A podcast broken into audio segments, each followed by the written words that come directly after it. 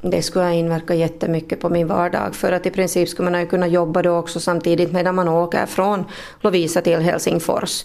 Troligen skulle också resan ha gått mycket snabbare med ett tåg än vad den går med bussen eftersom bussen stannar på mycket fler ställen och liknande. Borde man öppna tåglinjer hit till östra Nyland? Det borde man absolut göra, ja, för det, det skulle garanterat öka möjligheterna för människor att flytta hit ut och jobba inne i Helsingfors.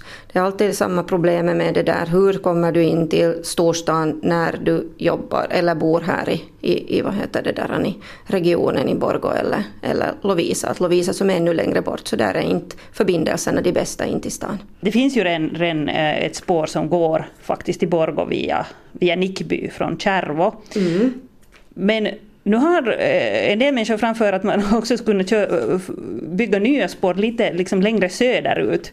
Via mm. Söderkulla och till Dickursby. Vilken deras sträckningen tycker du skulle vara, vara bättre om du till exempel skulle komma från Lovisa och försöka pendla till Helsingfors? Ja, då skulle jag nog åka gärna helst direkt in till Helsingfors, inte via, via Dickursby. Inte. Ja, till och med Dickursby tycker du. För jo. att äh, ja, Kärvo är nu det som redan skulle finnas.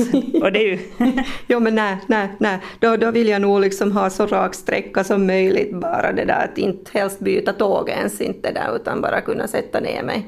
Tack Linnea Nystedt. Jag står nu här vid, vid rälsen i Borgo. Uh, en het dag och här doftar kära. Det växer massor med ogräs här mellan tågspåren. Niklas Måntonen, du bor i Borgo och jobbar i Helsingfors. Eh, skulle du ta tåget till jobbet om här skulle gå ett tåg? Mm, inte kanske direkt, direkt till kontoret men att då när man har kunder som ligger på passligt avstånd så då funderar jag nog två gånger att ta jag bilen, motorcykeln eller bussen. Och speciellt på vintern så då är det nog bussen som gäller ganska ofta. Vad tänker du om den saken att det till exempel skulle börja köra persontrafik hit till Borgå just via Kärvo och Nickby? Det skulle kunna vara en ganska bra idé för att jag menar du har största delen är ju färdigt byggt där redan. Att det enda som de hamnar göra i den här linjedragningen är ju det att gå igenom att du får ett tillräckligt snabbt tåg. För att tåget får inte vara långsammare än vad det är att åka buss. För att om det är långsammare så då inte åker folk tåg då inte. Tänk om det skulle gå från Vanda, från Dickursby via södra Sibbo till Borgå och sen vidare en sån här kustbana. Hur ser du på den tanken? Det skulle kunna vara till och med bättre. Det som skulle vara det goda med det här alternativet är ju det att det finns en hel del med folk som bor i Söderkulla och omnejd och det skulle kunna också hämta ny, nya bostadsområden mellan Borgå och Söderkulla. Vad är liksom fördelarna med att ha tåg versus med det som man har idag, att det är en relativt snabb motorväg och, och, och mm. bussar? Mm. Vårt vägnät är ganska dåligt skick om vi är riktigt ärliga.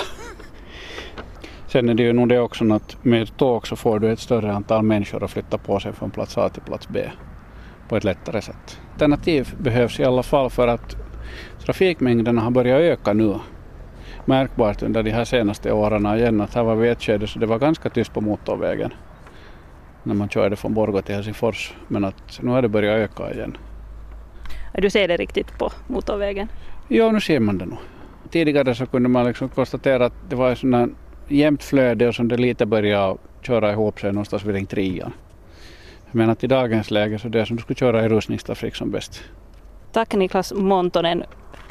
Vi får ännu drömma ett slag om att det skulle komma tåg så där regelbundet hit till Borgå var vi står. Museetåg hittar nog här eh, till den här rälsen som vi står vid. Man riktigt känner hur den här kärran doftar här.